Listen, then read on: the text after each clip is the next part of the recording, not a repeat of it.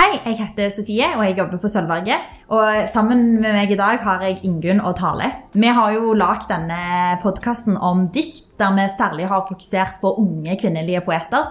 eh, For det meste norske. Men i dag så skal vi faktisk snakke om en kanadisk poet. Vi har jo gjort dette fordi at vi har lyst til å begynne å snakke litt mer om poesi, og tørre å lese litt mer og tørre å si noe om poesien.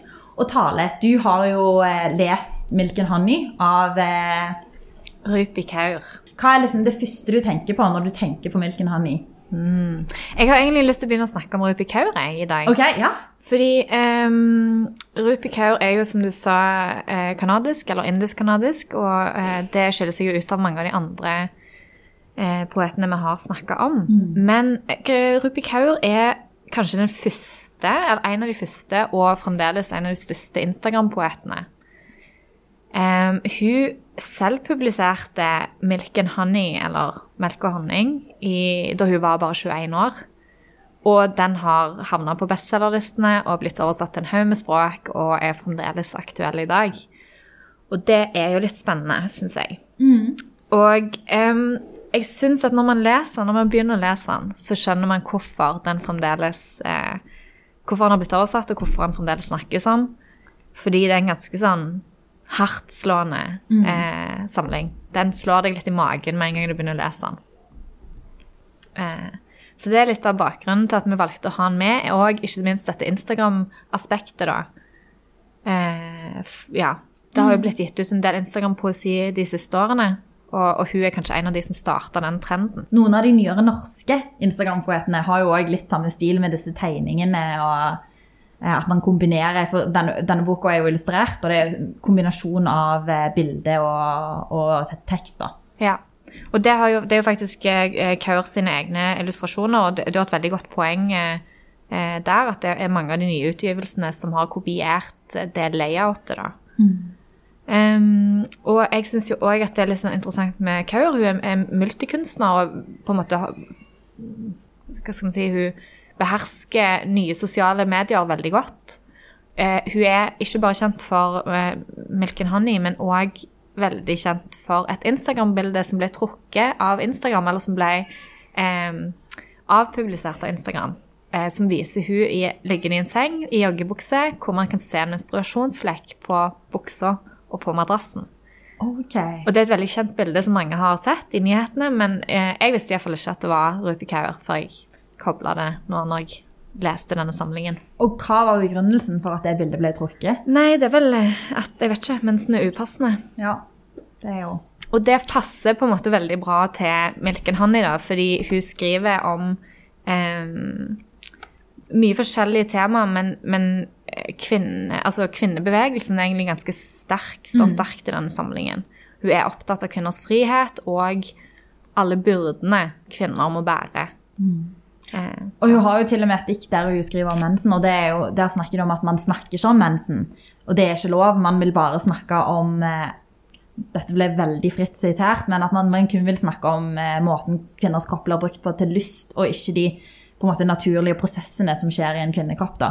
Så det er jo tydelig at det er et tema hun er opptatt av. Men dette er jo en veldig sånn direkte, og som du sier, du føler nesten at den er et slag i magen. Det er en, det er en bok som jeg i alle fall syns var litt vond, og nesten, nesten litt vanskelig å lese. Eh, opplevde du det, at, at det var vanskelig å lese den boka? ja, altså um, Jeg syns hun, hun har delt samlingen inn i fire kapitler. Og det, det begynner veldig brutalt med um, overgrep og omsorgssvikt. Em, og, så, og så fortsetter det kanskje litt, uh, litt ja, i, i samme galeien, men det blir på en måte mykere etter hvert. Og det ender med en slags oppfordring til, til heling, da. At eh, det er akkurat som det er en livshistorie som mennesker opplever mye forferdelig i løpet av livet, uh, men man kan, man kan klare å på en måte sette sammen det knuste Ja. Med de rette verktøyene. Ja, for det er både personlig, men òg sånn eh, visdom til, eller livsvisdom til alle kvinner, på en måte. Mm, sånn at selv om det er hardtslående, så er det, så er det liksom noe man kan trekke ut og relatere til det man kjenner seg igjen i sjøl, Ja. kanskje. Absolutt. Opp, opplevde du at den var vanskelig å lese, Ingunn? Nei, jeg, Nei? jeg syns ikke det, altså. Nei. Jeg likte den jo veldig godt. Og jeg liker når det er litt sånn hardtslående, eh, direkte dikt. Ja. ja, for det er en veldig rå diktsamling, og jeg syns jo at Sånn som du og jeg sa, Tale, at begynnelsen er jo det er jo, men det er jo derfor den er vanskelig å lese, for det begynner jo der. sant? Så du tenker jo åh, nå skal det være dette.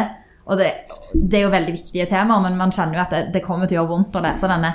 Eh, så, men når jeg kom videre, så var det jo mye som var mer fint og forsonende. Og den siste delen blir jo nesten et kamprop for kvinner. Ja. Eh, men det, den første, det første kapittelet heter jo 'The Hurting', så det er jo ikke rart at det er, er vondt å lese.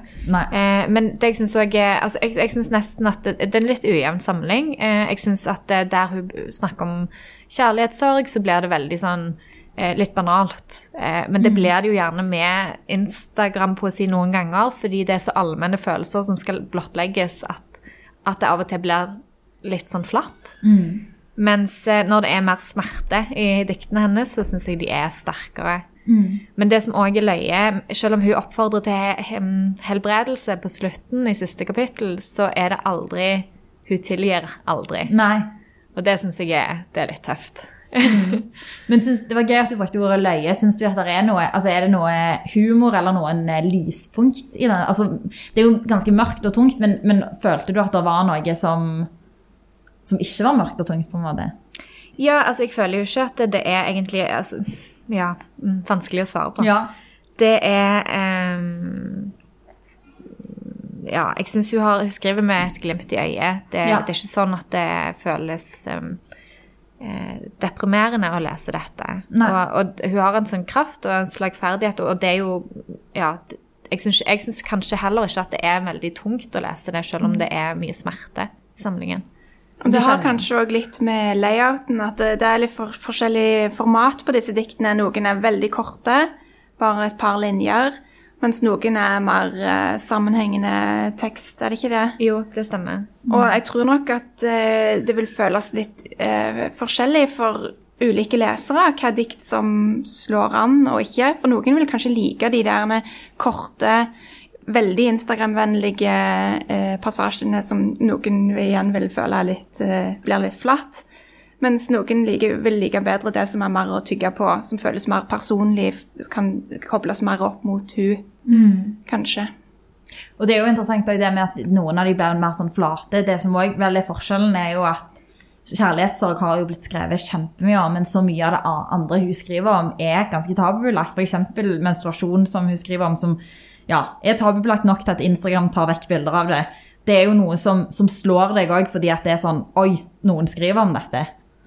Så ja. Og denne samlingen begynner å bli noen år allerede. Den her engelske utgaven jeg sitter med, er fra 2015. Så på, på den tida så har det jo skjedd en del. Det er sant. Og så jeg må bare nevne at den er veldig godt oversatt. Jeg syns de, eh, de slår like bra an på norsk så, som på engelsk. Både den norske oversettelsen og den engelske originalen som vi snakker om, heter jo Milk and Honey, eller Melk og honning. Og både på norsk og engelsk er jo det noe vi kjenner igjen fra bibel, eh, bibelvers, som at eh, dette lovede landet skal flyte over med melk og honning, som en skikkelig positiv eh, sak, egentlig. Men så har vi jo alle opplevd denne boka som ganske vanskelig Eller at det i alle fall er vanskelige temaer som tas opp. Så hvorfor taler heter Milk and Honey? Ja, Det tror jeg må være opp til leserne å, finne ut av sjøl. Men første diktet kan jeg jo lese, da. How is it so easy for you to be kind to people? He asked. Milk and honey dripped from my lips as I answered. Because people have not been kind to me. Ja. Og den tvetydigheten den føler jeg den er til stede kanskje i hele samlingen. Og hun, hun setter opp kontraster på en måte gjennom altså, hvordan den kvinnelige kroppen blir brukt av menn. Eh, og, men òg hvordan hun bruker sin femininitet til å overvinne smerte og brutalitet. Da.